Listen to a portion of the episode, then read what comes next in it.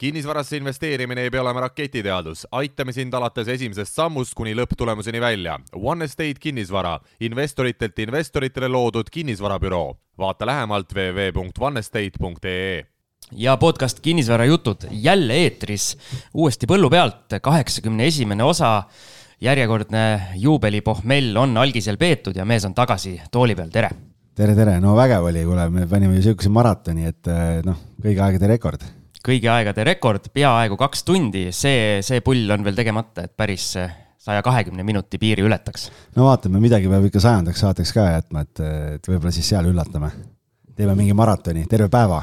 ja, aga nagu me eelmises saates rääkisime ka, mida, mida vanemaks me jääme, seda lohisemamaks jutt läheb. kipud heietama ei, tegelikult ma arvan. seda äh, aeglasemaks me jääme. jah, tegelikult oli Peetri saates oli, ma arvan, seal nii algajatele kui edasijõudnutele oli väga põnevaid teemasid lihtsalt ja oleks võinud rääkima jäädagi. super, oli tõesti suurepärane osa, aga meil on äh, suurepärane üllatus kõigile, kes selle osa ära kuulasid ja tahaks äh, Peeter Pärtelit veel kuulata. Te saate seda ja saate siinsamas kaheksakümne esimeses osas, sest me teeme ju ka maksuteemalise episoodi, kus algis ka kinnisvarajutud Facebooki gruppi postitas väikese nii-öelda heads up'i, et saate küsida, kes soovib. ja meil tuli, tuli privaatselt küsimusi, et kommentaariumisse keegi ei julgenud kirjutada, et Oma maksud on, maksud on selline teema, et et keegi ei julge, aga, aga jah, ma arvan, et meil neid küsimusi on päris palju, nii et tuleb jälle üsna selline tihe sõit. just, ja anname siis Peetrile ka sõna, et esiteks tere, Peeter. tere taas. ja saad siis meid nüüd hakata harima maksutemaatika nii-öelda põhjal ja, ja just nagu algis ütles, et jah, et eh, oma nime alt selliseid eh, nii-öelda hallide tsoonide küsimusi väga, väga keegi ei julge esitada ja see vist on ka normaalne. üldiselt jah, et äh, tahetaksegi küsida nagu rohkem personaalselt, et ma olen seda maksukoolitust ka hästi pikalt teinud, eks, et niipea nagu salvestuse tööle paned, siis nagu enam küsimusi ei ole kuule, aga alustame kohe karmilt ja otse, et mina leidsin sellise asja, et sa oled öelnud kunagi, et, et mina vaatan makse kui karistusseadustikku, et mida aktiivsemalt tegutsed, seda suurem on karistus. kas asi on päriselt ka nii hull või? jah, et see ütlus ei pärine ka minult jällegi, vaid, vaid siis äh, ühest äh, raamatust jälle, Tom Wheelwrightilt äh, USA-s, et äh, põhimõtteliselt on maksuseadusi võimalik niimoodi vaadata et passiivne tulu on kõige madalamalt maksustatud ja, ja siis, kui sa oled nagu palgatöötaja, siis on nagu palju kõrgemad maksud, eks ju, ja siis kui sa oled FIE, siis maksad ikka puhta lolliks ennast. aga FIE-ndus, ma ei tea, kui levinud see täna veel on, et, et.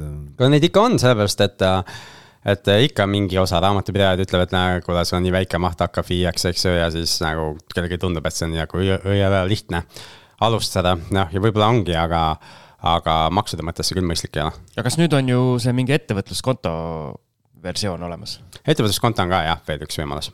see on ju oluliselt parem asi kui see FIE, viiendus äh,. sõltub, milleks. et äh, ettevõtluskontol on see, et sa ei saa oma makse üldse mõjutada, et sul laekunud rahast võetakse siis maksud ära ja, ja siis, mis üle jääb, on sinu ühesõnaga, see maksud on üks igavene, segane ja, ja keeruline teema ja väga paljude jaoks väga hirmutav ja üritame siis täna nüüd vaadata erinevate nurkade alt nii eraisikuna, juriidilise isikuna ja, ja, ja ja üritame siis Peetri käest kõikidele nendele asjadele vastused saada, et ähm, Just. vist kõige igipõlisem dilemma alati alustajatel on see, et kas alustada kinnisvarasse investeerimist eraisikuna või, või ettevõtte alt.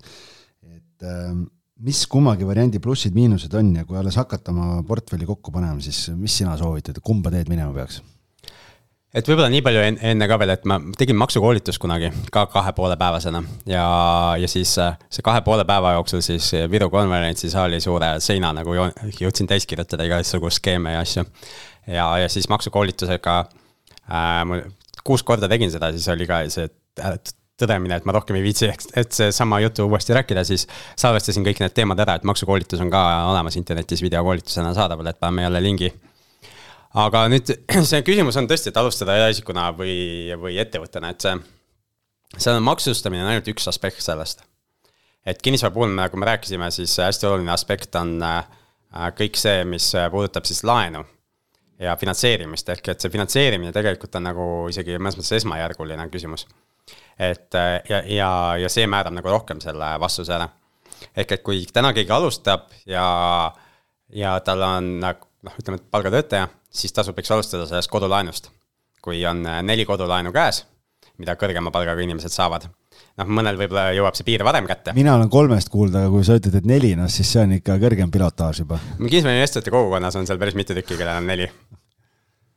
see on võimas, et äh, ma ei tea, noh, see on ulme ikka, see peab ikka väga kõrge sissetulek olema siis. jah, nad on tippjuhid, et äh, minul ka niisuguseid äh, sissetulekuid isegi ettevõtjad ei ole ja siis edasi on tegelikult Bigbank tuli välja uue tootega, on see, mille, millega saab üürikortereid osta et siis äh, sealt on ka võimalik kuni pool miljonit veel laenata.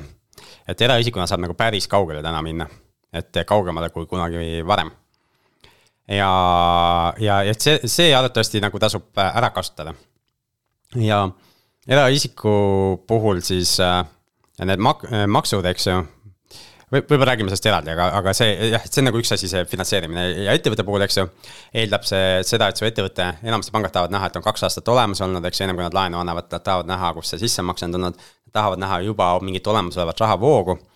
Äh, kuigi ma olen ostnud oma vanemate varahaldusettevõttele, olen ostnud äh, ka korterit niimoodi, et seal ei olnud rahavoogu, aga siis olid üürilepingutega korterid et äh, kui kellelgi kinnisvarainvestoril on korter ja see on välja üüritud, eks ju, ja sa tahad seda müüa, siis seda on võimalik müüa ka noh, koos lepinguga ja investorite jaoks on see väärtuslik, eks ju. aga tihti, tihti sa saad võib-olla rohkem raha turult, kui sa oled üürilepingu ära lõpetanud ja müüd koduostjale. et see, see on nagu see pool, et kas su ettevõte on nagu laenukõlbulik või mitte. ja, ja siis on küsimus, kuidas see ettevõte saada laenukõlbulikuks. et äh, sealt järgmine asi, mida tihti siis tehakse, kes on kinnisvarainvestorid, eks ju, on see, et nad äh, ostavad need kodulaenuga korterid ära ja siis mingi hetk äh, suunavad siis osa või kõik üüritulu sinna ettevõttesse, et ettevõttes hakkaksid igakuised laekumised tekkima, et seal nagu tekib mingi, mingi elu tekiks. et sinna koguneks siis sissemaksuraha ja, ja siis oleks seal ka igakuised noh, laekumised, millest laenu hakata teenindama. ja siis, siis tuleb nagu pank ka kaasa lõpuks ma tahangi siin kohe täiendavalt juurde küsida, et noh, minu käest on ka ju mingid inimesed küsinud ja just siin üks inimene äh, Uus-Meremaalt võttis ühendust siin mingi nädal tagasi ja ütles, et kuule, et mul üks korter on ju ja, ja tahaks selle nagu teile haldusesse anda, sellepärast et noh, ise distantsilt tegeleda on nagu keeruline. kas korter on Uus-Meremaalt või? korter, Uus-Meremaa korter jah, et äkki, äkki, lai, äkki laienete on ju, ma ütlesin hea meelega, ma tuleks kõigepealt vaataks üle. et äh, ja, ja siis äh, ta ütles ka noh, et siin äh, ma küsin, kas sa teed eraisikuna või ettevõtte alt ja nii edasi, siis arutasime ja, ja noh, minu soovitus oli küll talle, et et ma ütlesin, küsisin, et kas sa plaanid seda raha kasutada nagu, mis sa üüri, üüritulu, mis sa saad, et kas sa plaanid seda nagu kasutada elamiseks või noh, et mis see, ta ütles, et ei, et noh, et see, see on nagu, seda ma tahan reinvesteerida, ma ütlesin, aga siis sul on mõistlikum ettevõte teha ja anda korterettevõttele kasutada ja koguda sinna juba üürimakseid, et kui sul on nagu rahavoog olemas, et siis paari aasta pärast, kui sa tahad nagu juurde osta, siis pank näeb, et sul mingi track record jääb alla, et et see kinnitab seda loogikat, millest sa just rääkisid siis. ja, ja kui sa välismaale lähed, teise riiki lähed, siis enamasti see eraisikuna ostmine ei ole mõistlik, sellepärast et laenu sa niikuinii kohapeal ei saa eraisikuna, et siis ongi ainult ettevõtte variant ja eraisikule vaata piirangud ees, et, et kui sa kas-, investor, kes kasvatab oma portfelli, siis varem või hiljem sa jõuad ettevõtte alla nüüd, mis on kasulik äh, äh, võib-olla teha, et ette valmistada seda ettevõtet, äh, on see, et hakatagi ettevõtjaks, eks ju, et, et palgatööga siis nagu hüvasti jätta või siis jah, et ettevõtjana tegutseda. ja siis sa pead vaatama nagu, mis sul see tegevusala nagu on, et ma tean päris palju, kes on kas IT-valdkonnas või mõnes teises valdkonnas, et nad saavad ka müüa enda aega teenusena. võib-olla ka samale ettevõttele, kus nad kunagi tööl olid aga ka teistele klientidele, et seal tekib see OÜ-tamise probleem ka, millest tuleb nagu mööda saada. Aga kui sul on palju rohkem kliente, siis, siis see probleem nagu ei, ei, ole seda probleemi, et äh, siis sa, sa müüd nagu seda enda aega ja kõik raha laekub sulle ettevõttesse, eks ju, maksude eelselt. ehk et ka kui kellelgi on, ma ei tea, palk seal ütleme äh, kaks tuhat kätte, eks ju, siis äh, ettevõtte kulud on seal mingi kolm pool tuhat, eks ju suurusjärk, eks ju, siis, siis kogu see kolm pool tuhat läheb sinu ettevõttesse nüüd. ja, ja, ja kui, ja oleneb, kuidas sa elad, eks ju, et investor võiks nagu tagasihoidlikult elada äh, eelmises saates me ei rääkinud, aga kunagi meil oli kinnisvarainvestoritega al algusaegadel see võistlus, et kes suudab vanema autoga sõita ja, ja siis ja üks kinnisvarainvestor äh, Meelis äh, Neelov äh, võitis seda võistlust kaua aega, et tal oli nii vana auto, et tagaklaasi ka ei olnud enam ja tagumiskäiku ei olnud. et laminaat sõitis läbi klaasi, et siis ei olnud enam. aga, aga et ta on väga edukas investor täna, eks ju, kes, kes teab, et ja minul oli ka nagu kaks tuhat kaks aasta Hondat kasutasin kuni vist kaks tuhat kaheksateist aastani, et kuusteist aastat vana auto lõpuks oli. et, et me otsime nagu kulud hästi madalad. et siis elamiskulud on sul ka väikesed, eks ju, ja enamus sellest rahast jääb sinna ettevõttesse. ja kui sa seal müüd nagu oma aega, eks ju, seal ettevõttes ei ole mingeid riske, siis on täiesti okei okay sinnasamasse ettevõttesse osta kinnisvara ka ja paljud on alustanud niimoodi ostma kinnisvaraportfelli, et on mingisugune teenus, mis on madala riskiga, oma aja müük. raha tuleb, saab sissemaks kokku, eks ju. pangale hullult meeldib, et juba on rahavoog olemas, enamasti esimest korterit nad lähevad ostma selle jutuga, et. et mul oleks nihukest tööpinda vaja, kontorit vaja, eks ju, et ma enam enda kodus noh ei taha teha, et tahaks, et oleks teine korter selle jaoks. noh, siis ostavad selle ära, renoveerivad ära, siis üürivad välja, siis lähevad panka ja ütlevad, et noh, ma ei tea, eelmise üürisin välja, et tegelikult oleks nüüd uuesti kontorit vaja. ja siis, kui neil on seal viis-kuus kontorit koos juba, siis, äh, siis võib minna juba panka selle jutuga ka, et ma tahan nagu väljaüürimiseks osta midagi. üks inimene, kes äh, seda ettevõtluse mustrit on kasutanud, istub siin, ehk siis mina. ja ma küll ei läinud panka selle sooviga, et ma tahan kontorit, ma läksin kohe, ütlesin, et mul on vaja üürikorterit ja, ja kas annate laenu, anti ja kas see, kui sa oleks kontori jutuga läinud, ma arvan, intress oleks madalam. oleks madalam olnud või? järgmine kord lähen kontori jutuga äh, ettevõtte nagu põhivara investeeringuid nagu neile meeldivad rohkem iseenesest ja madalama riskiga kohe seal riskimudelis. no näed, vot Siim, kus sul ampluaa laieneb, eelmises saates rääkisime siin suurtest korteritest, tubadepõhisest üürimisest. nüüd on sul siin kontoripind, no näed, ma räägin. aga, aga see kontor ei pea olema nagu ärimajas kontor, vaid see võib olla ka suvalises elumajas korter, noh, et see, sellepärast, et see täiesti okei okay on korteris töötajad enam ei ka siin istuma istume ühes korteris ja, ja teeme tööd yeah..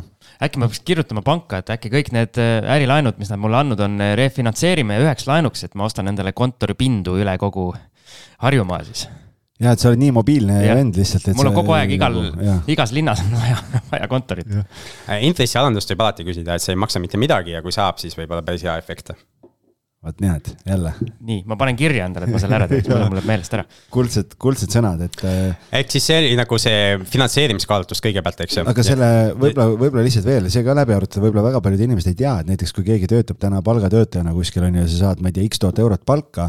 et tegelikult minna tööandja juurde ja öelda, et kuule, et. Äh, ma tahaks nüüd OÜ-tada, siis nüüd... tööandja saab kohe aru, millest jutt käib. jah, et siis ja, ja ütledki, et noh, et osade tööandjate jaoks ei ole seal selles mõttes vahet või ei ole ka kuidagi nii-öelda korporatiivselt kuidagi mingite, mingite reeglitega piiratud see asi. et siis tegelikult on ju see võimalus lihtsalt, et kui sul tänane tööandja maksab kõik kõik maksud ära selle pealt ja siis maksab sulle palga, siis sa tegelikult saad võib-olla ka kokku leppida niimoodi, et sa saad ju või noh, mis ongi loogiline, et sa saad ju tegelikult suurema summa, et koos nende maksudega ja siis sa vaatad ise, kui palju sa endale palka maksad. seal on see küsimus, mida nii-öelda Peeter mainis, et maksuameti jaoks on see probleem, kui sul ongi üks suur klient, kelle juures sa enne töötasid ja see on, siis on see, tekib see OÜ-tamise teema ja võib tagantjärgi maksustamisele kõik minna. aga teistpidi, kui nii mõelda, võib-olla see annab sulle selle vabaduse või julguse, et sa saad konsulteerida ka mingeid teisi ettevõtteid ja tegelikult. seda peakski teadlikult tegema, et see kliendiportfell peaks kohe mitmekesistuma ja, ja räägime miinustest ka, eks ju, miinus on siis see, et noh, sa kaotad kõik need tagatised, mis töötajal on, eks ju. ehk siis, kui su OÜ-ga saab lepingu päevapealt lõpetada, eks ju, mingisuguseid hüvitisi ei ole. siis, kui meil oli siin koroonaperiood ja olid mingisugused äh, palga kompenseerimised ja asjad, siis need OÜ-tajad ei saanud midagi ja, ja igasugu autohüvitised ja kõik muud asjad, need on ka su enda mure, eks ju, et kuidas sa, et ehk, et kui sa muudad nagu muutub. palga selleks ettevõtte tasuks, siis äh, vaata, et sa nagu kogu hüvitiste paketi arvutad kokku ja küsid selle summa nagu, et. et siis, siis on nagu samaväärne, aga noh, muidugi sa võidki ka teha, ka teine variant, mida inimesed on teinud, on see, et nad jätkavadki ainult osalise ajaga nagu selle tööandja juures, eks ju, et. et ma ei tahagi nii palju tööd teha enam, eks ju, et mm, lepime kokku, et ma teen, ma ei tea, kakskümmend tundi nädalas või mida iganes selle ja lepitakse mingi teine summa kokku. aga igal juhul nagu see esimene asi on see, see võimaldab nagu rohkem raha enda kontrolli alla saada just selle maksude arvelt.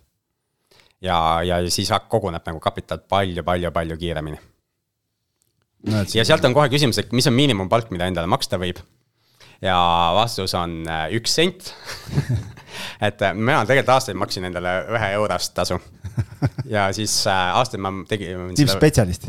ja juhatuse liikme tasuna veel maksin, aga siis äh, e-maksuametis ei olnud seda kontrollmehhanismi ees ehk et enam nagu äh, ei saa, tähendab, ühesõnaga ma tahtsin, maksin ühe eurost palka ja miinimum sotsiaalmaksu, et haigekassa oleks olemas.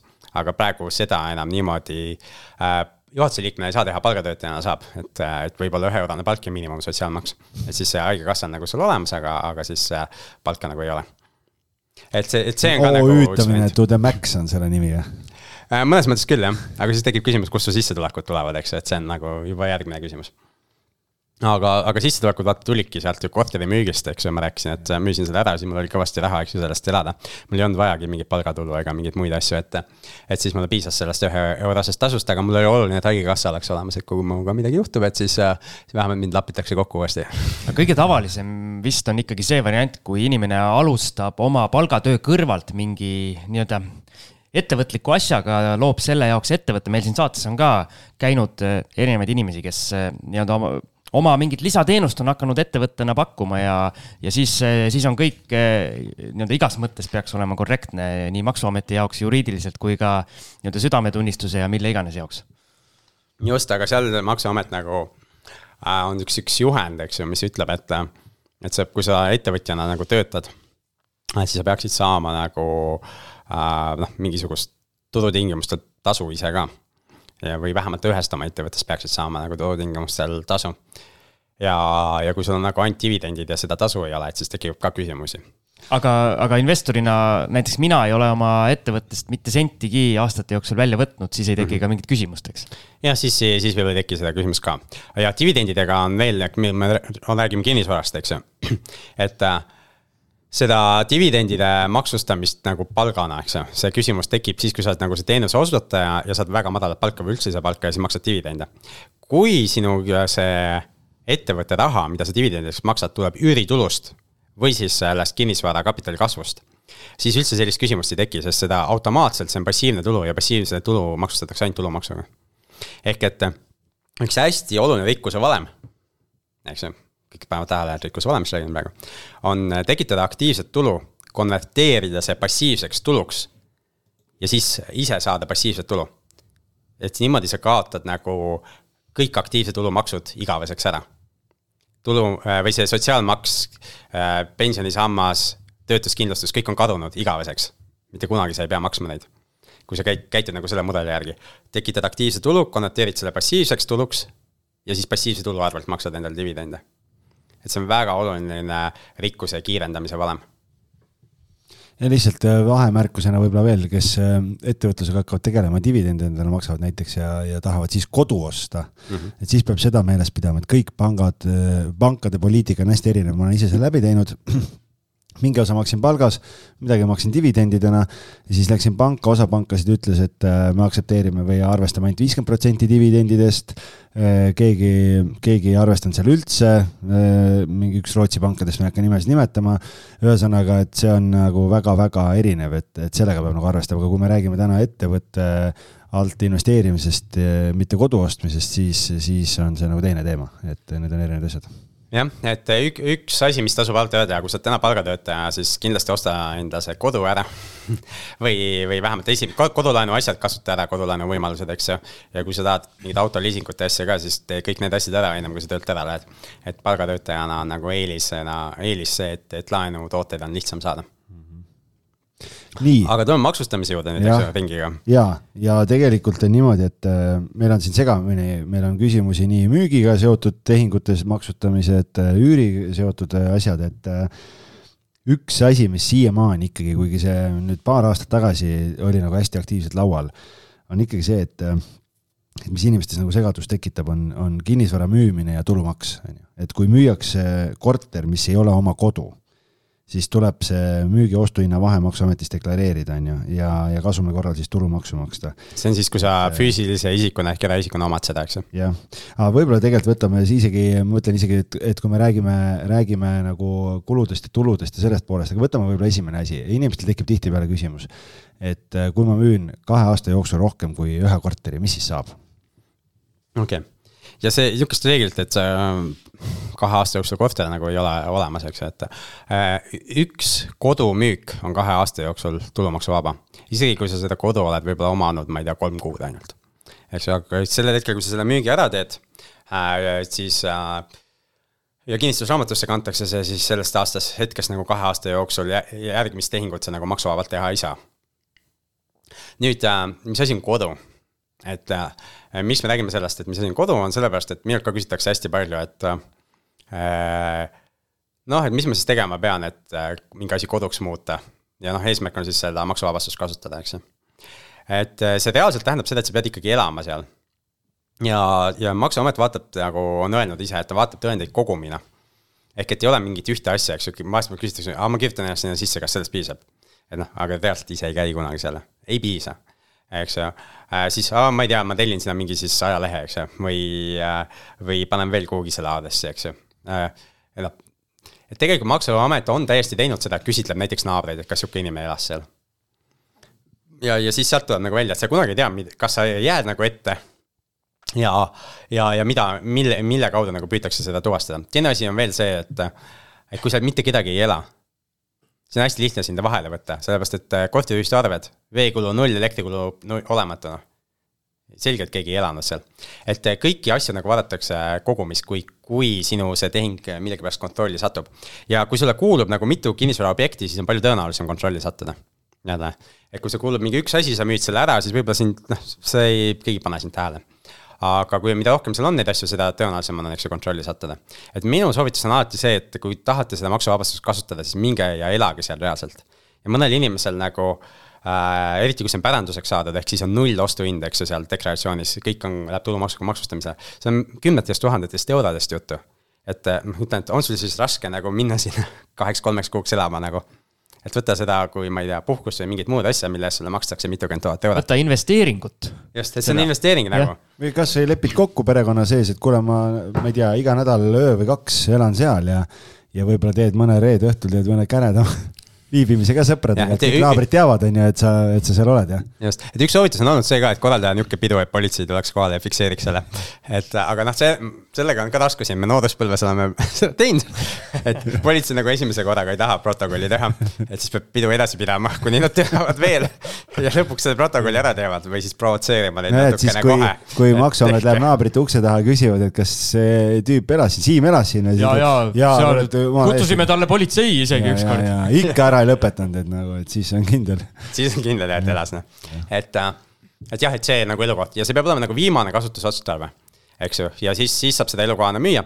kui seal on elukoha müük, siis sa seda tuludeklaratsiooni üldse ei panegi. et seda ei deklareerita mitte kusagil. ja mis, mõtlen, mis seal veel olulist äh, on. jah, et see, see on nagu viimane otstarve, et siin üks viga veel, mida tehakse, on see, et, äh, et siis osa maaklereid eks ju, aitavad inimestel korterit välja üürida enne müüki näiteks, et kui müük läheb pikaks. Äh, või siis äh, inimene ise mõtleb, et ah, ma kolisin uude kohta, ma üürin seda natuke aega välja ja siis müün. et niipea, kui sa seda kasvõi üheks päevaks välja üürid või kedagi ka, ma ei tea, sugulast mõjutad sinna tasuta, eks ju, see on ka, loetakse üürimiseks antud kontekstis, siis see maksuvabastus kaob ära et tihti inimesed jäävad nagu äh, noh, kümnetest tuhandetest maksuvabastusest ilma, sellepärast et nad tahtsid säästa paarisadat eurot. ehk kui sa saad pärandvara, siis sul on lihtsalt vaja otsustada ära, A, kas ma üürin välja ja jätan selle pikaajaliselt endale portfelli või B, elan seal natukene, käin visiit, visiidil mõned kuud ja siis müün ära. ei no C on ka, müün maha ja maksan maksud. nojah, see on ka variant alati.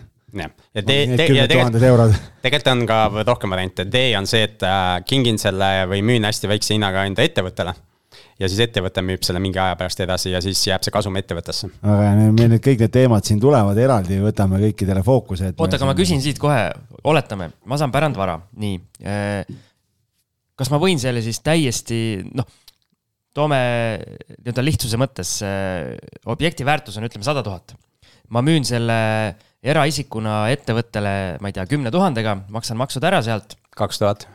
nii, ja ettevõte pärast müüb selle edasi siis nii-öelda turuhinnaga, kas Maksuametil ei teki mingit probleeme, et miks sa nii odavalt äh, sellest, sellest varast loobusid?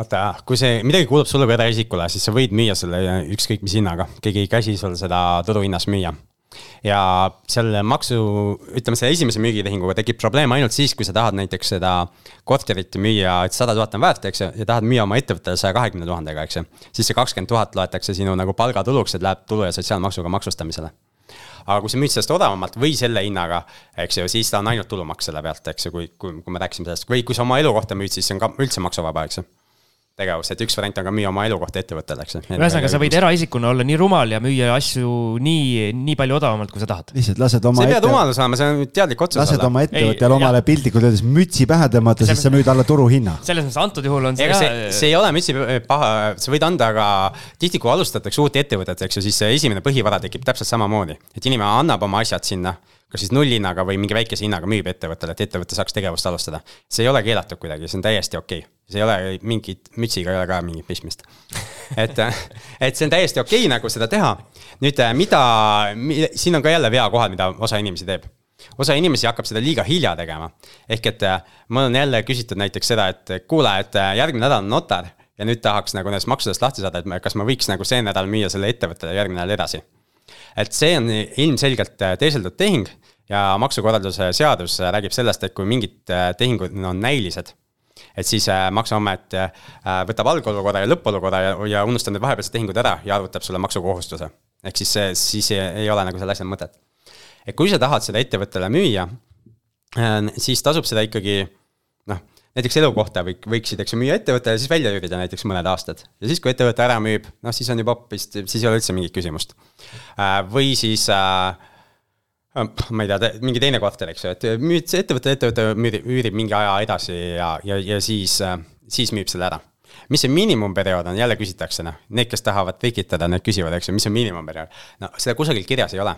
et see küsimus on, kas see on eluliselt usutav, kas see on näilisus ja nii edasi, eks ju. et äh, aga muidu, muidu see on nagu üks võimalus, aga see on siis võimalus, kuidas maksukoormus edasi lükata, eks ju, maksukoormus äh, läheb, kasum jääb ettevõttesse, eks ju, kuna meil jooksvalt ettevõtte kasumi maksustamist ei ole, eks ju, see on üldine reegel. siis äh, ma, äh, noh, see maksukoormus lükkub edasi sinna aega, kui sa dividende maksad kunagi küsimus lihtsalt, et osa inimesi, kes tegutsevad eraisikutena ja siin ostavad kortereid ka, flip ivad näiteks nii mhm. edasi, et kui sa ostad, renoveerid, müüd ära, siis äh, saadud kasumi pealt pead maksma tulumaksu ära, milliseid kulusid saab sinna, sinna sisse arvata, et see kasum oleks väiksem? kõike, mis puudutab siis ostmise ja müümisega seotud kulud, eks ju, hindamise aktid, maaklerteenus, notaritasu. ja siis äh, kapitaalremondiga seotud kulud on lubatud sinna panna okay.. ehk et kui sa vahetad lihtsalt korteris tapeedi ära, siis ei saa panna mitte midagi. kui sa paned, teed kapitaalremondi, eks ju, vahetad juhtmed ja kõik asjad ära, siis sa saad need kulutused panna, mis on seotud selle remondiga. aga sa ei saa panna sinna näiteks jooksvat elektriarvet ja veearvet ja mingeid niisuguseid asju ei saa panna. aga ainult need äh, konkreetsed siis materjalid ja töö, töökulud, eks ju, need saab ka sinna sisse panna mul on üks äh, lugu ka siin rääkida tegelikult, et mul oli ähm, ühel tuttaval oli, oli selline olukord, et äh, ta eraisikuna ka samamoodi toimetab ja, ja ta tegi selle vea, et ta remonti tegi ettevõtte alt korteris ja ta arvas need kulud, arvas sinna sisse. ja siis aastaid hiljem Maksuamet võttis temaga ühendust ja ütles, et nüüd on nii, et äh, tegelikult seda mahaarvestust teha ei oleks saanud ja ta pidi täiendavalt mingid mõned tuhanded eurod maksma täiendavat tulumaksu veel, veel juurde, nii et selle osas siis ma saan aru, et kui sa remonti teed, siis see peab kõik olema eraisikuna tehtud, et sa ei saa nagu juriidilise isiku alt ei tohi teha, sest need kulud ei ole ju sinu eraisikuna võetud kulud, siis sa ei saa neid sinna arvestada. Ta kuidagi väga odavalt pääses, sellepärast et siin on kaks probleemi, üks asi on see, et ta tegi eraisiku tuludeklaratsiooni valesti, eks ju. et ta pani sinna mingid kulud, mida ta ei ole teinud, eks ju.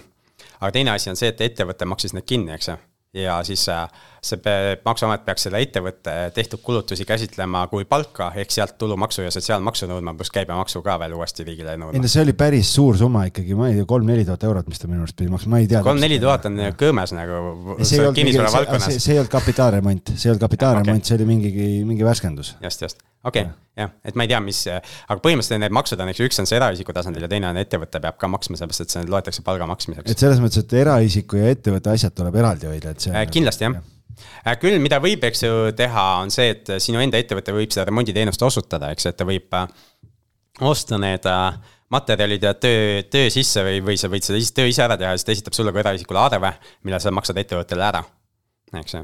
ja seal kohati, mis see loogika on, see, et, et siis äh, üritatakse jälle kulust, kulusid paisutada et siis seda maksustamist edasi lükata, eks ju, aga. aga noh, see on mingi mõistuse piires nagu võib-olla on, on nagu võimalik, noh. et keegi ei ütle, vaata tööhinda saab väga erinevalt sisse osta, et sa saad osta kümme eurot tund ja saab osta kakskümmend eurot tund, eks ju, et. et kui sa oma, no, oma ettevõtte me... alt teed arve kahekümne eurole tund, siis võib-olla on see okei okay,, eks ju. no ja me ei ole nii rikkad, et osta odavaid teenuseid sisse, et selles mõttes peabki, peabki ostma ikka kõrge tunnihinnaga ju. No jaa, aga kui sa paned sada eurot tund, siis ei ole loogiline jah. Siim on nii vaikseks jäänud, et äh, maksud on nii põnev, et võttis mõtlema kohe. ja ma siin äh, proovin, proovin kaasa töötada aga räägime natuke siis, sa tegelikult juba puudutasid ka, räägime pärandamisest ja mis seal veel tähele tasub panna, välja arvatud see, mis sa juba mainisid, et soetusmaksumus, ma saan aru, läheb null? ega see muud ei olegi jah, et null on see soetusmaksumus, siis peab mõtlema, mis sellega edasi teha. kõik on puhas kasum ainult. just, et kui vähegi saab, siis tasub see elukohaks muuta tavaliselt eks ju, kui me ei räägi just seal äh, mingisuguse väikeasula korterist, mis maksab viis tuhat eurot ise, eks ju, siis võib-olla ei ole see pingutust väärt, eks ju, aga. aga noh, see sõltub ka inimesest, sest viie tuhande pealt tuleb ka tuhat siis tulumaksuks maksta, eks ju.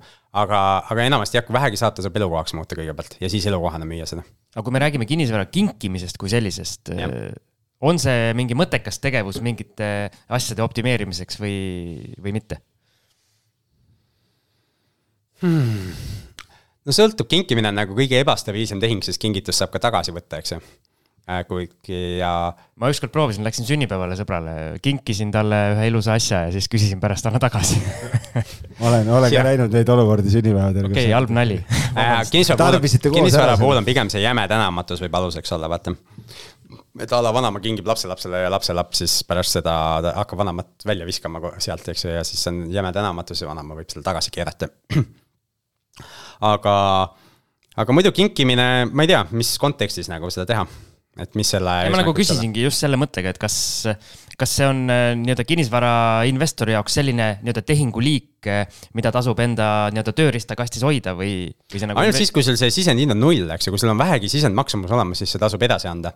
ehk et kui mul on eraisikuna korter, ma mõtlen, et kuidas seda ettevõttele saada, mõtlen, et oh, kingiks. no ei ole väga mõistlik mõte, et kui ma olen ostnud selle mingi hinnaga, siis tasub enamasti sellesama hinnaga edasi müüa sellepärast, et sa saad eraisikule siis selle summa ettevõttest välja võtta, eks, et ilma, et mingit maksustamist tekiks, kui sa kingid, siis ei saa, eks ju, siis on kõik dividendid enam maksustada. okei okay., väga hea, näed, infot tuleb. nii, esimene kuulaja küsimus äh, ka. Äh, osaliselt tegelikult sa vist juba katsid selle ära, aga loeme ette, et siis on linnuke kirjas. et äh, kui korteril on peal kodulaen, aga seda on välja üüritud, mitte ise sees elatud, kas seda saab oma firmale müüa ilma tulumaksu maksmata? See laenuga ei ole mingit pistmist, eks ju, see on soetusmaksumusega pistmist. et äh, kui sa müüd äh, soetusmaksumusest kaugema, äh, kallima hinnaga, eks ju, siis see vahe läheb tulumaksuga maksustamisele. kui müüd sama hinnaga, siis ei ole midagi maksustada, aga kui sa müü-, isegi kui sa müüd sama hinnaga, sellest me ei rääkinud, siis see tuludeklaratsiooni tuleb panna ehk et ostsin sellise hinnaga, müüsin sellise hinnaga ja siis see tuludeklaratsioon arvutab ise välja, et, et see kasum on null ja siis nulli pealt arvutab kakskümmend protsenti maksu, mis on ka null ehk et see, need tehingud tuleb kõik panna sinna tuludeklaratsiooni. ja, ja see on oluline võib-olla ka sellepärast, et kui sa lähed tegema oma seda maksuvaba kodumüüki, eks ju, näiteks äh, aasta pärast seda, kui sa tegid ühe niisuguse tehingu. ja sul on see deklareerimata, siis maksuameti kontrolli saad kindlasti kaela, sellepärast et siis sa oled justkui kaks tehingut järjest, järjest teinud, eks ju. aga ehk siis niisugused nullkasumiga tehingud tasub kindlasti deklareerida aga toome siia kõrvale siis eh, kinnisvara müümise ettevõtte alt, et eh, millised maksud siis rakenduvad, esiteks, ja teiseks, et eh, millistel juhtudel üldse me räägime siis käibemaksust ja millistel mitte? kinnisvaraga tegutsemine üldiselt on käibemaksuvaba käive mida ta, ja see ei ole nullkäibemaks, paljud arvavad, et see on mingi nullkäibemaks, eks nullkäibemaks on eraldi asi, on ekspordil. käibemaksuvaba käive tähendab seda, et müügil sa ei tohi käibemaksu lisada ja kõik kulutused, mis sa teed selle asja jaoks, sealt sa ei tohi käibemaksu tagasi küsida. ehk et kui mul on näiteks äh, elamispind, eks ju, või, või ka äripind ja ma üürin, äh, eks ju, välja seda ilma käibemaksuta ja lõpuks müün ka ilma käibemaksuta. Äh, ja siis vahepeal teen kapitaalremonti, siis remondikuludelt ma käibemaksu tagasi ei tohi küsida. see on ka üks hästi tihe eksimine, et mõeldakse, aga arve peal on ju käibemaks, mis mõttes ma tagasi ei saa seda et, et kuna su müük on käibemaksuvaba, siis ei ole ka sisend ei ole käibemaksuga ja käibemaksu võib lisada siis äh, kinnisvara ütleme väljaüürimisel ainult äripinnale. Selleks tuleb teha maksuametile siis teavitus, ennem kui sa hakkad seda käibemaksu lisama, saadad maksuameti üldaadressile kirja, et hakkan lisama käibemaksu.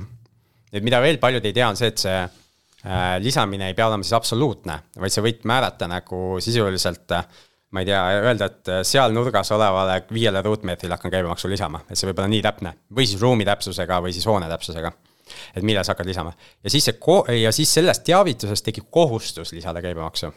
ja kohustus kehtib kaks aastat, et järgmised kaks aastat sa pead lisama käibemaksu. ja pärast seda sa võid jälle otsustada, kas sa tahad lisada või ei taha lisada seda käibemaksu. nii et äh, see käibemaksu teema on nagu hästi keeruline. nüüd on mingid olukorrad, kus peab käibemaksu lisama ja peab lisama siis käibemaksu äh,, eks ju, ehitusõigusega krundile, kui ettevõte müüb seda äh,. siis äh, uus arendusele kui on uus asi, kus ei ole, eks ju, elatud sees, siis peab lisama kui keegi elab kasvõi ühe päeva sees üürilepinguga, siis enam käibemaks ei, ei. üks on jällegi see eluliselt usutatavuse küsimus tekib ja, ja, ja teisalt näilik ja nii ja kõik igasugu jama tekib sellest nagu noh, küsimusi, et kas see tegelikult ka seal oli inimene või ei olnud aga kusagil seda aega nagu paigas ei ole, et üks tundub vähe, äh, ma ei tea, kolm kuud tundub piisav, aga noh, keegi ei tea, mis see täpselt piir on. Äh, siis käibemaksuseaduses on veel üks huvitav olukord, et eh, kuidas saab vanast uus. ehk sa ostad näiteks korteri ja nii, kui sa ku-, äh, kulutad sinna sada kümme protsenti ostuhinnast selle kapitaalremondi peale siis käibemaksuseaduse mõttes on sul tegemist uue korteriga. kümne tuhandega ostad korteri, paned üksteist tonni remondi peale ja siis on uus või? täpselt ja seda tekib väikeasulates päris palju. Siim, sul on kõik uusarenduste korterid? ei, ei aga see uus arendus, see, see, see omab tähtsust ainult siis, kui sa teed, tegeled flip imisega, sa tahad kohe müüa seda, eks ju. niipea, kui sa selle jälle välja üürid, siis see muutub jälle kasutatuks, eks ju. aga, aga jah, flip imisel võib, võib sellega probleeme tekkida ja on tekkinud ka probleeme inimestel, et, et korteritega ka, aga kui ostetakse nagu, ma ei tea, mingisugused äh, varemetes maja ja siis tehakse kapitaalremonti müüakse ja siis tekib kindlasti see probleem ja miks see käibemaks nagu seal probleem on, on sellepärast, et sa pead kogu müügihinnalt käibemaksu, eks ju äh, äh,. lisama, eks ju, või, või noh, enamasti see tegelikult sa ei saa lisada, vaid see peab hinna sisse ära mahtuma, eks ju, see vähendab sinu kasumit. aga kui sa a la ostsidki kümne tuhandega ja panid üksteist tuhat sinna remonti sisse, eks ju, siis sellelt sisend kümnelt sul ei ole ju mingit käibemaksu, mida tagasi saada, sealt üheteistkümnelt võib-olla on, eks ju.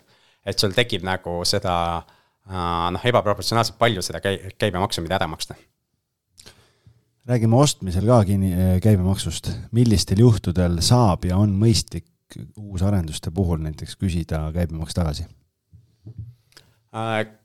seal on jälle, eks ju, vaatame äripinnad ja elamispinnad eraldi, aga äripindade puhul, eks ju, kui sa hakkad ärilisel eesmärgil kasutama, eks ju, siis noh, loomulikult küsid tagasi ja üürid näiteks käibemaksuga välja ja ei olegi probleemi. elamiskorteriga on sul võimalus käibemaks tagasi küsida ainult kahel juhul et siis, kui sa ostad see korteri äh,, eks ju, ainult lühiajalise majutuse pakkumiseks, ehk sa hakkad siis sisuliselt hotelliteenust seal pakkuma, eks ju, Airbnb, Booking ja mingid muud asjad. või siis äh, sa ostad selle edasimüümise eesmärgil ehk et sa ei võtagi seda kasutusse, vaid sa müüd selle uuena edasi ja siis, äh, siis omakorda lisad jälle käibemaksu müügil. noh, toome lihtsa näite, ostad uusarenduse korteri, ma olen praegu ka uusarenduse korteris siin, ostad, sisustad ära äh, ja kui müüd, siis äh, et kui sa vahepeal küsid käibemaksu tagasi, siis keegi sees. müügil jälle lisad käibemaksu, just. et see on, see on jälle võimalik, eks ju. ja nüüd lühiajaline majutus siin peab ka jälle rääkima, me ei saa ainult maksudest rääkida, eks me peame vaatama, mis see lühiajalise majutuse periood on siis, eks ju. et see, seda ei ole lihtne üles leida seal oli kuidagi turismiseadus mingite paragrahvidega otsid, otsid, otsid, siis kusagilt leiab lõpuks üles, et kolm kuud on see piir, et alla kolme kuu on lühiajaline majutus ja üle kolme kuu on pikaajaline majutus ja siin on, äh, ma olen kuulnud ja kohtunud ka inimestega, kes räägivad seda, et noh, et äh, üüritakse korterid välja niimoodi, et tehakse kolmekuused lepingud. et teen Siimuga kolmekuuse lepingu ja siis pikendan ja pikendan, noh, et kogu aeg on uus leping. tegelikult noh, see on jälle selline õrn Maks, jää. Äh, maksukorralduse seadus, näilik tehing ei huvita jah, et see tegelikult ei, ei ole juriidiliselt pädev asi. ei ole, et see tähendab, et see üürnik peab ikkagi vahetuma seal, et nii, nii nagu hotellis või, või kusagil mujal, eks see, see vahetub okay.. et, et siin eh, koroonaperioodil näiteks tekkis, tekkis hotellidel ka probleeme sellega. sellepärast, et siis nad üürisid ju pikaajaliselt välja neid eh, tube vahepeal. ja siis neil oli järsku, ups, nüüd meil osa käivet on nagu pikaajalisest üürist, mis on käibemaksuvaba.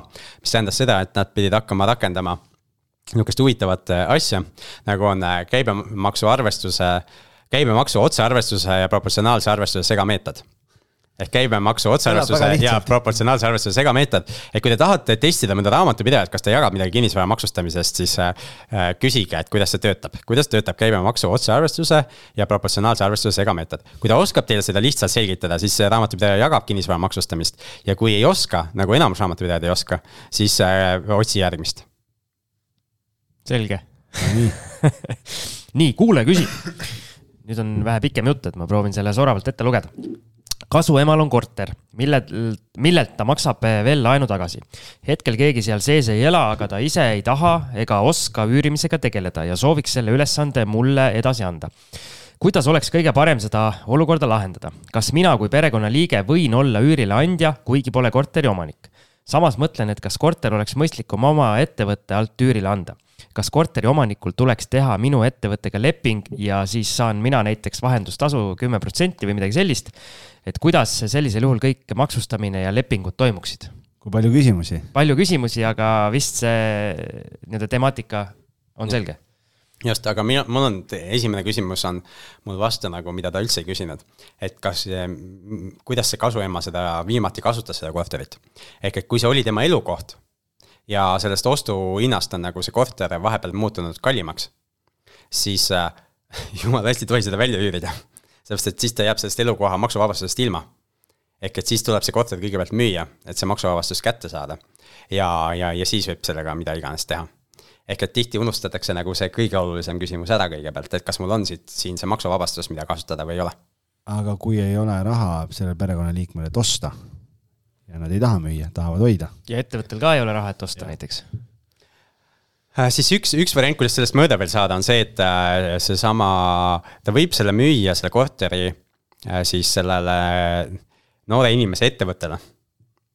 ja müüa sellesama omaniku järelmaksuga ehk et teha siis praegu näiteks võlaõiguslik koos äh, üleandmisega ära, ehk see on müüdud. ja ta on elukoht, eks ju, maksuvaba müük. Ja nüüd see ettevõte saab selle valduse kätte ja peab hak-, äh, noh, jäämaksust saab kokku leppida, eks ju, see jäämaks võib ka olla, et äh, tasub viieteist aasta jooksul näiteks või kolmekümne aasta jooksul. see sõltub ka, kui usalduslik suhe see sõltub on, sellest, kas seal on laen peal või ei ole? ei, see laen ei sega. no kuidas sa müüd järelmaksuga, kui pank tahab oma raha kätte saada? aga sa teed ainult võlaõiguslikku, sa ei tee asjaõiguslikku. okei okay,, okei okay,, jah sest lõpuks siis äh, sellel kasuemal on äh, ikkagi igakuine rahavoog, nagu ta justkui väljaüürimisel. just, aga, aga see raha, mis ta iga kuu saab sealt ettevõttelt nüüd, see on nii kaua maksuvaba, kuni ta on kätte saanud kogu selle korteri müügihinna, kui see on elukoha müük. et see võib olla väga kasulik. see nagu periood, mille peale tehakse, see, see ei ole kuidagi fikseeritud. ja see ei ole piiratud kuidagi, see on ükskõik nagu mis, mis iganes, see ei lähe not-, notarilepingusse läheb võib-olla see lõpptähtaeg kirja või läheb, et see, et ma ei tea, makstakse vastavalt laenulepingule, eks ju, ei lähe üldse tähtaega kirja, vaid läheb laenulepingule viide kirja. nii nagu pangalaenu puhul, eks ju, seal on mingi viide on, eks ju, mis lepingu alusel see maksmine toimub. et, äh, et siis saab seda graafikut nagu muuta ka jooksvalt, kui on vaja. ja siis see ettevõte saab seda välja üürida ja saada seda üüritulu ja kõike muud, eks ju, sealt. Äh, see on, see on see olukord, kui see viimane kasutus oli elukoht, eks ju. ehk et selle ma kontrolliks enne üle aga nüüd, kui me räägime, et ei olnud, eks ju, et see ongi juba üürikas olnud või ma ei tea, mis iganes seal toimunud on, eks ju siis, siis on teine olukord, eks ju, et siis on tõesti äh, noh, see tädi, ei kasuema jah, kasuema võib siis anda, ma ei tea, tasuta kasutada selle, kas siis sellele noorele inimesele või siis tema ettevõttele ja siis ta saab edasi välja üürida. võib, või võib ka olla see, et üürib otse selle kasuema nimel välja ja siis äh, küsibki nagu, kas siis ma ei tea, küsib siis niisama sulas haldustasu või siis esitab oma ettevõtte alt näiteks arve selle haldustasu kohta ja saab siis selle, selle haldustasu endale kas äh, see ettevõttele kasutamise, kasutamiseks, kasutamiseks andmise leping võib olla lihtsalt selline lihtkirjalik? Äh, jaa, sest see on ju, üürileping on ju ka lihtkirjalik leping.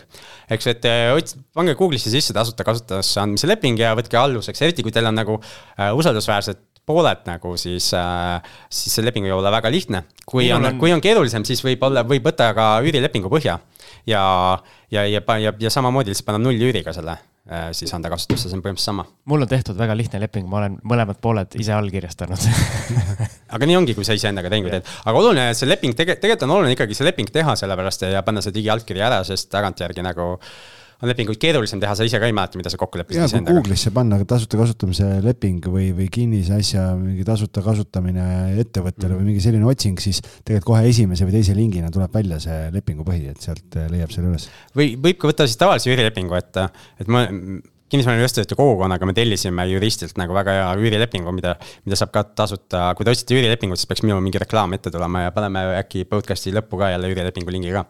et kus saab alla laadida seda Äh, meie kinnisvarainvestorite kogukonna poolt koostatud üürilepingut ja siis sellest on olemas ka ingliskeelne ja venekeelne tõlge. näed, siin mitu kärbest kohe ühe hoobiga jälle. aga, aga siin oli muid küsimusi veel, et äh, võib-olla vaatame selle teise poole ka ära siis, et, äh, et kas korteri omanikul tuleks teha leping, noh, seal on nagu üks on tasuta kasutamise leping, teine küsimus on nüüd siis selles, et kui ta hakkab välja üürima, et noh, see, millistel tingimustel, kas ta võtab sealt mingit haldustasu või ei võta, noh, see on juba nende omavaheline kokkulepe, et et, et millistel. aga siin on ka erinevad ärimudelid võimalikud, eks ju, algis teab, teab võib-olla isegi paremini neid, eks ju et on võimalik, et sa üürid selle korteri ja üürid edasi, eks ju, see on üks variant, eks ju, siis teine variant on see, et võtad haldustasu, ma ei tea, on veel mingeid variante?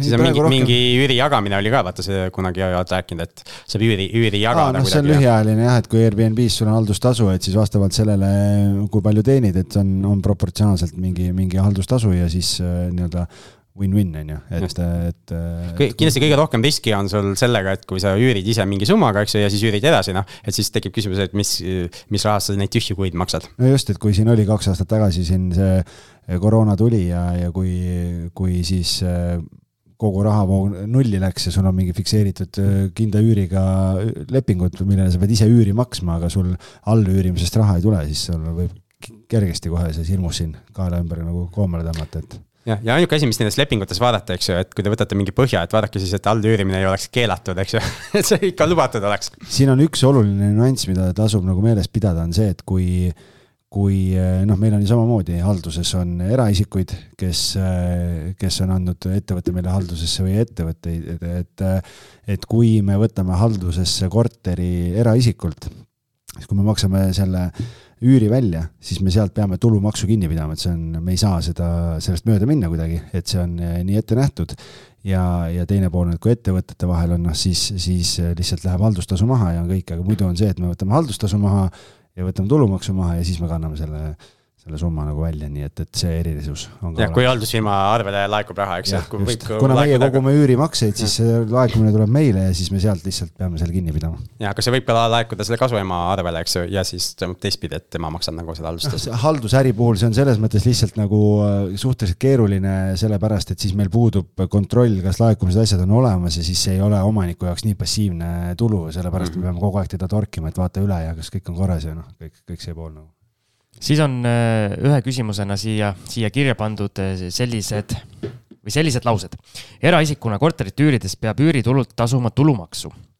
paljud aga ei tea, et seda ei pea tegema sajaprotsendiliselt või sada protsenti juhtudest või alati siis vist Ma.... kogu summalt. kogu summalt. palun selgita meie kuulajatele, millised võimalused sellega seoses on okei okay,, kui eraisik, eks ju, noh, eraisik tegelikult on üldse vale sõna, füüsilisest isikust räägime, eks ju. füüsiline isik või juriidiline isik jah, et füüsiline isik üürib välja eluaset, äh, siis ja seda kasutatakse eluasemena, eks ju, eluaseme üürileping on seal. Äh, siis on üks maksuerand, maksuerand on siis see, et äh, on tulumaks on, eks ju, kakskümmend protsenti, aga sellelt kahekümnelt protsendilt võib siis teha mahaarvamise kakskümmend protsenti. Ehk siis niisugune reaalne maksukoormus on kuusteist protsenti. üür on viissada, nii. Mm, -hmm. sealt saad siis sada eurot on kakskümmend protsenti. Ja sellest sajast eurost saad siis kinni pidada veel sealt see, saad maha arvata siis kakskümmend protsenti ehk nelikümmend eurot. ei, sajast eurost on ikka kakskümmend eurot jah ja., et siis reaalne, reaalne maks on kaheksakümmend eurot, mis tulumaksu. aga see toimub siis seal tuludeklaratsioonis juba. ehk et äh, kui on näiteks, ja see on siis, kui see üürnik on eraisik või siis, kui see võib ka olla siis, kui üürnik on ettevõte, kes majutab oma töötajaid seal. aga kui see, see üürnik on lihtsalt ettevõte, kes kasutab seda kontoriks või millekski muuks, siis seda mahaarvamist teha ei saa. või kui sa annad ettevõttele allüürimiseks seda lepingut ja noh, et lõpuks ju kasutab eraisik, aga vahepeal on mingi ettevõte, siis ka seda mahaarvamist teha ei saa. et seal on ka nagu hästi noh, oluline nagu vaadata, mis, mis see eesmärk on saavutada okei okay,, ja siis üks kuulaja küsib, ma siin hüppan üle ühe küsimuse, kuna teema on enam-vähem sama. kui eraisikuna on äh, mõnda aega üüritud korterit välja mustalt, siis kui kaua peab pabistama, et, äh, et see asi võib välja tulla ja tagantjärele maksuraha koos viivistega sisse nõutakse? kas sellistel asjadel on aegumistähtaega? jah, on õnneks ehk äh, maksukuriteod siis aeguvad viie aastaga, et kui midagi on rohkem kui viis aastat tagasi toimunud aga see deklareerimise aeg siis ju rohkem kui viis aastat tagasi, eks ju, siis, äh, siis enam nagu sellega ei tegeleta. aga selle viie aasta sees on ka hästi oluline, et äh, esimesed kolm aastat pead sina tõestama, et sina oled õieti makse maksnud ja siis selle järgmised kaks äh, aastat, eks ju, kui, kuni see viis aastat täis saab, peab maksuamet tõestama, et sa tahtlikult maksid valesti. et see ko-, ko-, tõestamiskoormus nagu muutub sealt ära, et siis ehk enamus juhtudel, kui on üle kolme aasta mõõdas, siis ei ole vaja nagu muretseda ma siinkohal ütleks selle disclaimer'i, et meie ikkagi siin alati ütleme, et käitume ikkagi eeskujulikult ja maksame makse ja, ja oleme heaperemehelikud ja, ja riigi suhtes ausad ja korrektsed. et meie siin ei, ei, kedagi ei, ei julgusta äh, maksupettustega tegelema. ja üks asi on veel, vaata, mida need äh, maksupetjad või maksu mittemaksjad ära unustavad, on see, et äh, sellest maksusäästust olulisem on krediidi ajalugu. ehk et kui sa oled kinnisvarainvestor, siis sul on laenu vaja. Või noh, vähemalt mõistlikud investorid kasutavad laenu kinnisvara valdkonnas et ainult, nagu Peeter, ainult. ja nagu Peeter kaheksakümnendas osas rääkis, siis, siis äh, laisad kasutavad oma raha, on ju. Eh, et ainult Äripäev teeb neid võrdluseid, kus võrdleb, et äh, kinnisvara võrdleb aktsiatega ja siis võrdleb ilma laenuta kinnisvara ja ilma laenuta aktsiaid ja siis jõuab järeldusele, et aktsiad on paremad. et niipea nagu laenu juurde paned, siis alati kinnisvara võidaks. Et, äh, et seda ma, ma olen endale tähelepanu juhtinud ka, aga siis tuleb jälle uus ajakirjanik ja teeb jälle sama artikli. et, äh, et sa tahad laenu saada, aga selleks, et laenu saada, peavad sul olema ametlikud tulud, eks ju, ehk ehk siis füüsilise isikuna ka, et sa tahad, et sul oleks need tulud olemas, mille vastu laenu võtta. ja ettevõttena samamoodi sa tahad, et sul oleks need tulud olemas, mille vastu seda laenu saada siis. kusjuures nii palju, kui ma olen selle nii-öelda kinnisvarainvestorite ringiga nii-öelda lävinud, isegi kõik eh, nii-öelda väikeinvestorid, kes ikkagi teadlikult seda teevad ja oma portfelle üles kasvatama nii-öelda kasvatavad, siis seda nii-öelda mustalt tegemist äh, mina ei ole mitte kunagi kohanud, ütlen ausalt, aga neid mustalt üürijaid on just sellised, kes ongi saanud kuskilt ühe korteri. Neil on see korter justkui, mõnel on isegi natukene nii-öelda veskekivina kaenas, et ei tea, mida teha, ei viitsi nagu müüa, las ta olla, võib-olla tiksub, et noh, ma siin üürin kellelegi mustalt välja, et. ja noh, tegelikult kui sa mõtled, et sul ongi see neljasaja, viiesaja eurone üürikas tihtipeale ta on selline, on ju noh, et siis palju sa võidad sealt nüüd siis, et äh, saad kaheksakümmend eurot või sada eurot äh, nagu hoiad kokku, noh, tegelikult teistpidi jah, nagu Peeter ütles, kui sa näitaksid seda ametlikku tuluna endal, siis võib-olla mingil hetkel lähed äh, uut kodu ostma või, või tahad osta ühe korteri juurde või midagi, siis tegelikult see aitab ja, ja su elu on oluliselt lihtsam nagu just, ja aga jah, et see on nagu mitteteadlikud inimesed, eks ju, või, või need, kellel ei ole mingit kasvamisambitsiooni, eks ju, et võivad nagu tahta, pluss seal tegelikult üks hirm on veel Äh, mis seda mustalt üürimist soosib. Et äh, see on täiesti teine teema, see on see puuküünike teema. ehk et inimesed ei taha üürilepingut sõlmida, sellepärast et nad äh, kardavad neid õiguseid, mis üürnikul tekivad üürilepingust. Nad ei luba sisse kirjutada, nad ei taha, noh, tahavad, et põhimõtteliselt mul on suvalisel päeval nagu ma ütlen, et ma ei tea midagi, ma ei tunne sind, eks ju. ja olen lukud ära vahetanud, eks ju, tahavad nagu nihukest asja üürnikule teha. et siis ja kardavad seda ja noh, mõnes mõttes on nagu põhjusega, et puuküünike probleem on meil lahendamata et ma selles üüriõiguse, para-, üüriõiguse muutmise komisjonides kuus aastat käisin igasugu ümarlaudades, lõpuks see jõudis Riigikokku ja. ja need muutused olid kosmeetilised, eks ju, kõik nagu muudatusettepanekud, mis oleks paremaks olukorda teinud, oluliselt need kõik kärbiti välja. et, et, et meil on endiselt probleeme. ma korra küsingi siis siia juurde, aga miks nad ei julge teha neid muudatusi? miks? seal isegi, isegi ei olnud poliitikas probleem, vaid justiitsministeeriumi ametnikes oli probleem, kes ei valmistanud nagu ette õiget asja ja ma ei tea, mis, nad on peast üürnikud või mis neil, mis kõige parem öelda, et äh,. see ametnik oli ikka peast üürnik, mis üürnik? see, kes alguses seda menetles, oli peast ikka täitsa üürnik jah. et tema arvas, et peaks äh, üürileandjaid nagu äh, noh, pitsitama. liigkasuvõtjad. põhimõtteliselt jah, et äh, aga hiljem seal ametnikud vahetusid, eks ju, siis läks nagu natukene paremaks asi, aga, aga mitte ikkagi. ehk et ei taheta nagu teha väga üürileandja sõbralikku seda asja meil äh, mingi naaber hakkab puurima, nii et. las puurib, las puurib, meil ongi. saate aru, et me oleme ikkagi otse lahinguväljal siin. jah, otse lahinguväljal. ma ei tea, kui palju see sisse kostab, aga see päris meeldib olla kuulamisel. aga, et jah, et ei taheta nagu seda. mõte läheb Peetril käest ära selle puurimisega. just okay.. ühesõnaga, üürnikku tahetakse kaitsta ja ei taheta nagu sellele omanikule väga neid õiguseid äh, anda, aga. aga kas see on nagu, põhjus on selles nii-öelda sundüürnike perioodist või kuidagi nagu? see taust tuleb sealt küll jah, aga meil on Euroopas tegelikult palju hullemaid seaduseid nagu prantslased, kus on näiteks see, et kui sa oled üürivõlgu jääd nagu, mida na, nemad loevad talveperioodiks, eks ju, siis talveperioodil välja ei tohi tõsta kedagi, eks ju, ja nii edasi. noh, et see sõltub, riigiti on väga erinev. näiteks Rootsi mõtled. Rootsis on jälle vastupidi, et seal oled kolm nädalat võlgu, siis sind tõstetakse välja ja kiiresti nagu. ja mõtled, miks, mis mõttes Rootsi, eks ju, väga ju sotsialistlik riik ja nii edasi. aga Rootsil on kohalikul omavalitsusel kohustus see, see, kas siis võtta üüri maksmine üle või pakkuda peavarju nendele inimestele. ehk see on omanik jälle väga kaitstud. et siis meil on nagu erinevad äärmused ja Ameerika Ühendriikides on ka täiesti erinevad äärmused olemas, Californias on see, et sind ei saa välja, võid sealt kuus kuud võlgu olla ja siis saad üldse midagi ütlema hakata alles üürnikule. ja siis teine äärmus on seal, ma ei tea, Texas, kus tuleb see šerif ja tõstab su sealt kohe minema ja kui paar nädalat võlgu oled, et. et nagu hästi-hästi erinevalt on see, aga ma arvan, et need probleemid hästi võimenduvad, et me varsti näeme nagu, et meil on hästi palju uusi üürnikke et äh, me venekeelset saadet ei tee, aga kindlasti venekeelsetesse ringkondadesse ka jõuab see info varem või hiljem, et. et Eestis on võimalik siis elada üürnikuna üürikorteris ja ilma ühtegi makset tegemata. et siin üks investor nagu arvutas välja, et põhimõtteliselt peaks olema, tema teadmistega võiks kümme aastat venitada seda. ennem kui, ennem kui sind täitur välja saab tõsta. et kui, kui need teadmised nagu levivad, siis võib meil tekkida päris palju puuke juurde kuule, selle osa peab saatest välja lõikama, et kui siin üürnikud satuvad kuulama, siis on. aga kuidas seda maandada nagu ütleme üürileandjana ongi see, et sa pead hoidma häid suhteid ja haldur ka, et sa pead hoidma nagu ikkagi üürnikega häid suhteid hoidma sõbralikke suhteid, kui võlgnevused hakkavad tekkima, siis äh, resoluutselt ja kiiresti reageerima.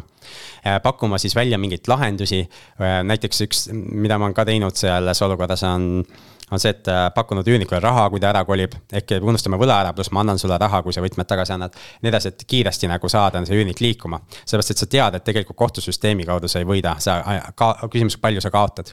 et äh, igal juhul peaks proovima kohtuväliselt nagu ära lahendada asja okei okay,, lähme edasi selle remondi taustal. Lähme korra sinna tagasi, et mulle on antud, äh, sellel küsijal siis on antud äh, korter ettevõttele tasuta kasutada.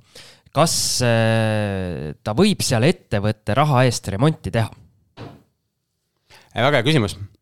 see sõltub sellest, mis perioodiks ta seda tasuta kasutada annab.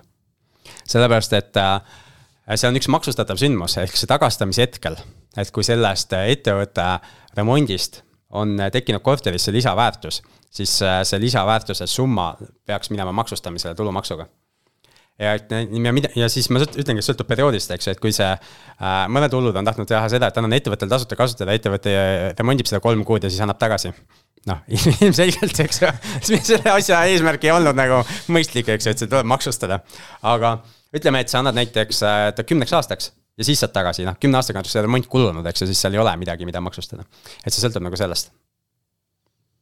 väga hea, Siim hüppas ühest küsimusest üle ja ma tulen tegelikult siia korra selle vabandust, üürimise juurde. vabandust, Algis. et, äh, et eelmises saates rääkisime pikalt sellest, et sa oled äh, siin tubade kaupa väljaüürimisega tegelenud, et äh, kas tubade kaupa väljaüürimisel on maksude osas mingid erisusi või on seal võimalik käibemaksu lisada, mitte, et noh, vaata elukondlikul äh, üüri, kui sa üürid elamispinnale välja, siis käibemaksu ei lisandu.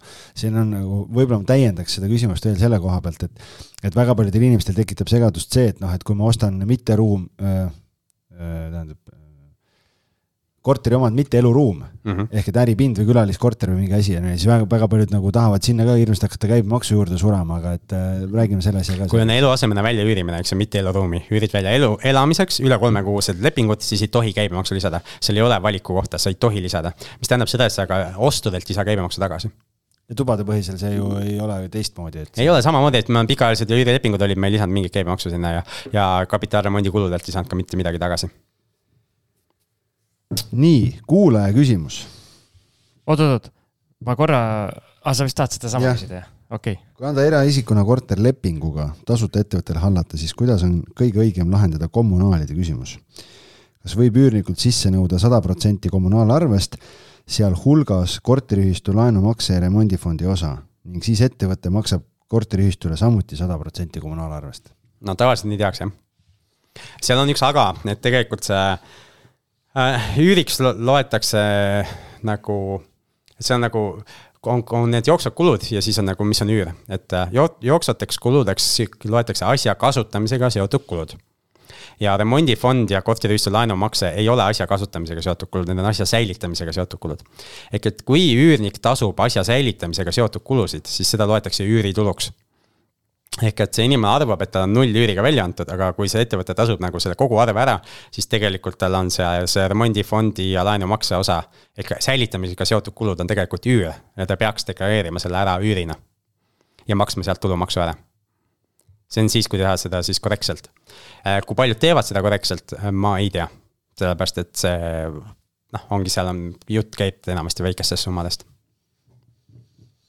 okei okay,, väga hea info nii, äh, ja siis hakkamegi juba vaikselt lõpu suunas tüürima, et oskad sa, Peeter, võrrelda, et kui leebed või kui karmid on Eestis üüriäriga seotud maksud võrreldes näiteks teiste Euroopa riikide või siis üle ookeani USA-ga?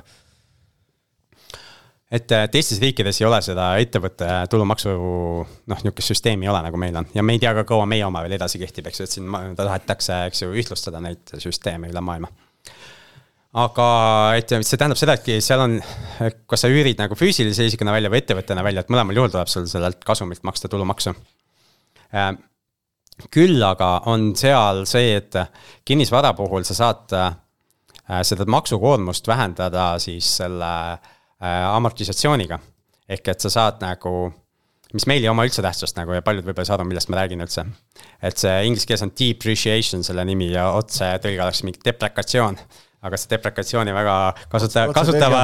on väga huvitav alati. deprekatsiooni mõistet kasutavad ainult äh, Alverid Tehnikaülikoolis või kus iganes nad parasjagu õpetavad, aga kõik ülejäänud kasutavad sõna amortisatsioon.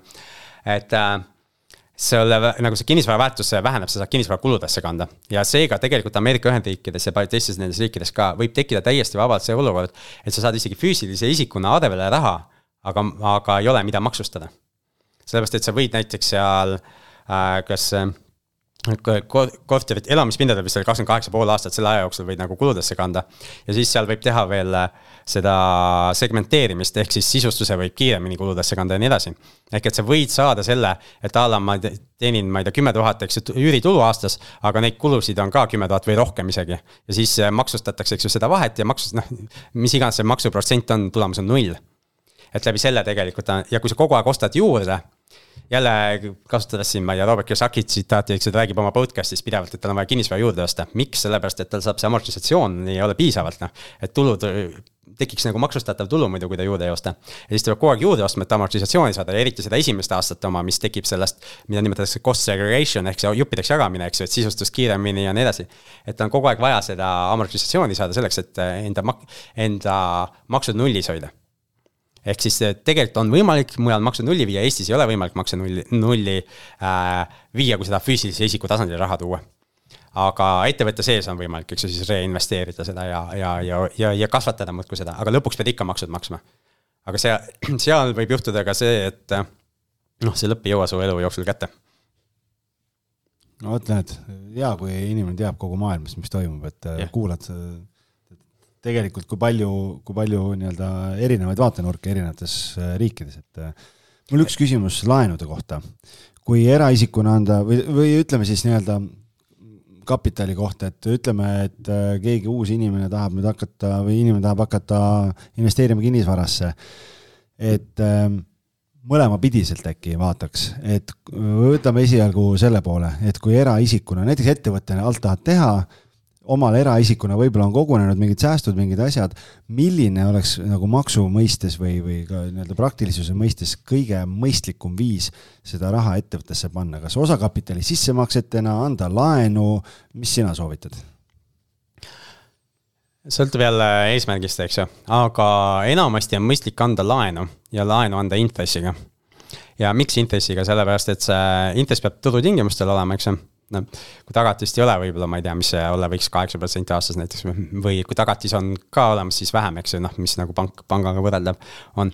aga seda intressimakseid sa ei pea tegema igakuiselt, sa võid teha neid int-, noh, võlgu oldavat intressi välja maksta siis, kui sa tahad. et ta on nagu selles mõttes lihtsam, et nagu teatud juhtudel dividendide puhul võib tekkida küsimus, et kas see, kas see äkki on hoopis palgatulu ja nii edasi, siis intressimaksetega ei teki kunagi seda küsimust. ja ja, ja, ja, ja nagu intress on nagu selles mõttes, selles mõttes nagu lihtsam maksta, et maksustamine on peaaegu sama, eks ju, ehk tulumaks tuleb kinni pidada nendest intressidest. et sa saad, saad siis need intressid suvalisel ajal välja maksta, kui sa tahad seda teha ja vajad millegipärast.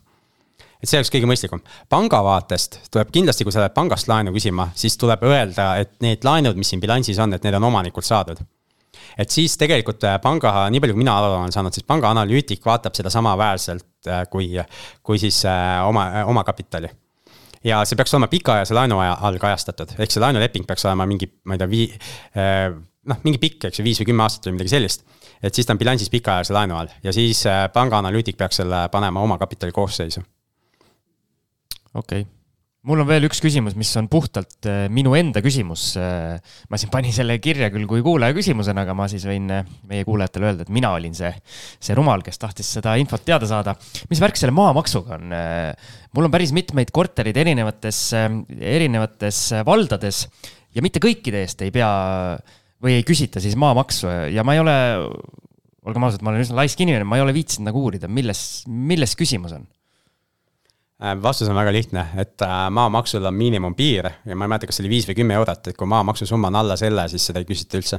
okei okay,, võib-olla selles miinimumpiiris ongi asi aga see on tegelikult hästi oluline küsimus ka investeerimiskorterite ostmise puhul, sellepärast et just, just ühe, ühe omanikuga rääkisime, ostis ühe korteri ja ütles, et ei osanud üldse ka sellisele asjale tähelepanu pöörata ja Tallinna kesklinnas ostis, ostis korteri, aga seal on, hoovis on veel mingid kuurid ja mingid asjad ja kõik ja see maa, maa on siis nii-öelda päris suur, jah? Äh, päris suur ja ta maksis, nad ostsid mingi üheksakümne ruuduse korteri ja see maamaks oli mingi üheksasada eurot ta ütles, et ta pidi pikali kukkuma, et ta nagu Just. pole enne näinud sellist asja, et, et. no ma võin looduseks öelda, et äh, noh, mu vanematel, kus on, on kolm tuhat eurot maamaks ja noh, see tuhat viissada on maksuvabastus, eks ju, et siis tuhat viissada reaalselt ära maksta, et.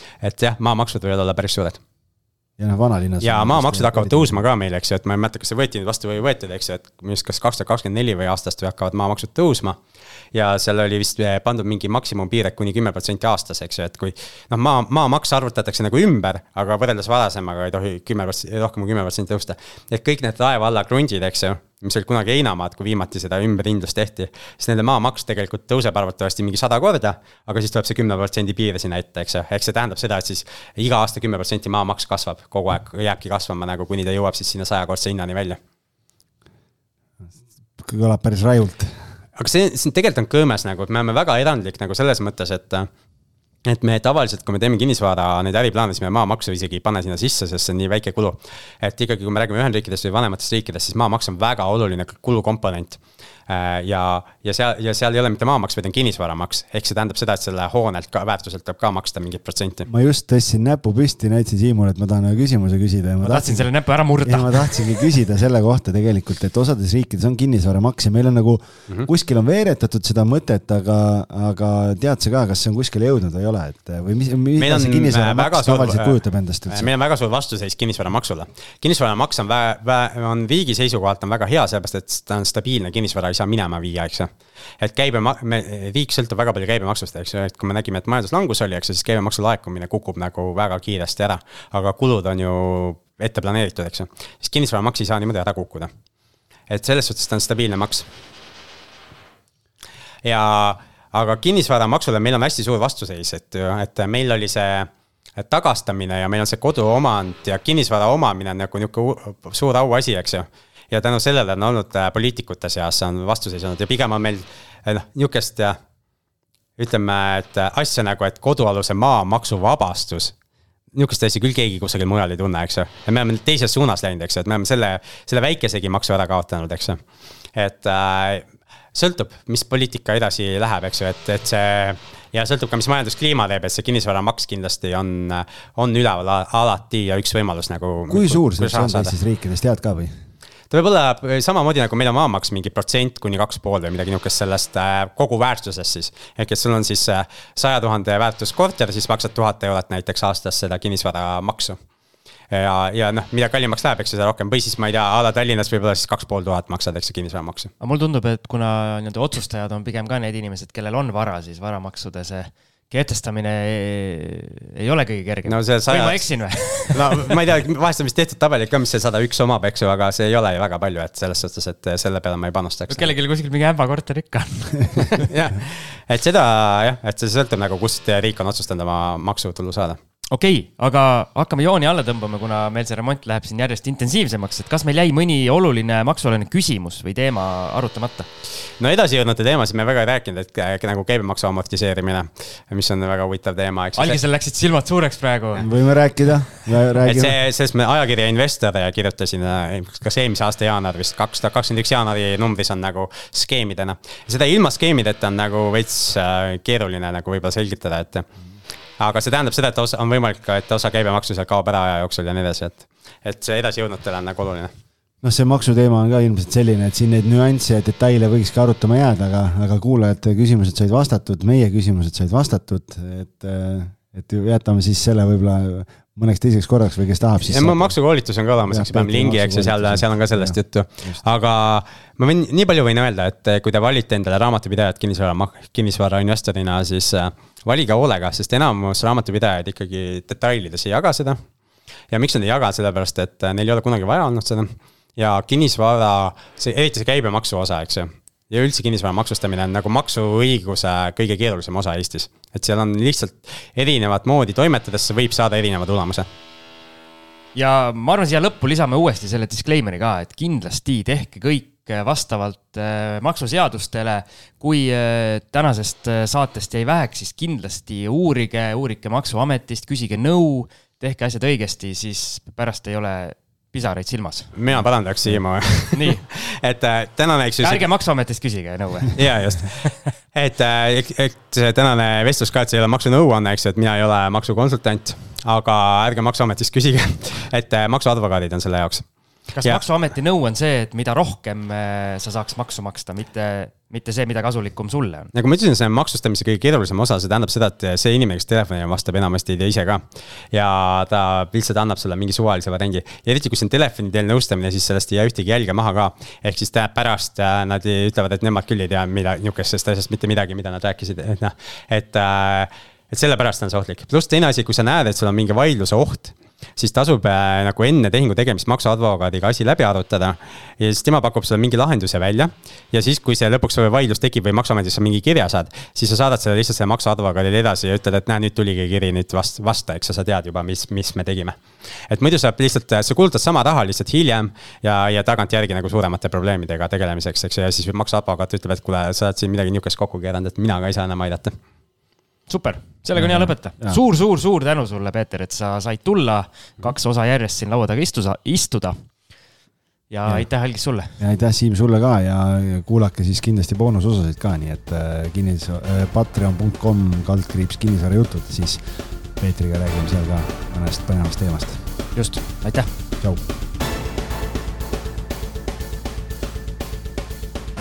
kinnisvarainvestoritele loodud kinnisvarabüroo, aitamised alates esimesest sammust kuni lõpptulemuseni välja. vaata lähemalt www.onestate.ee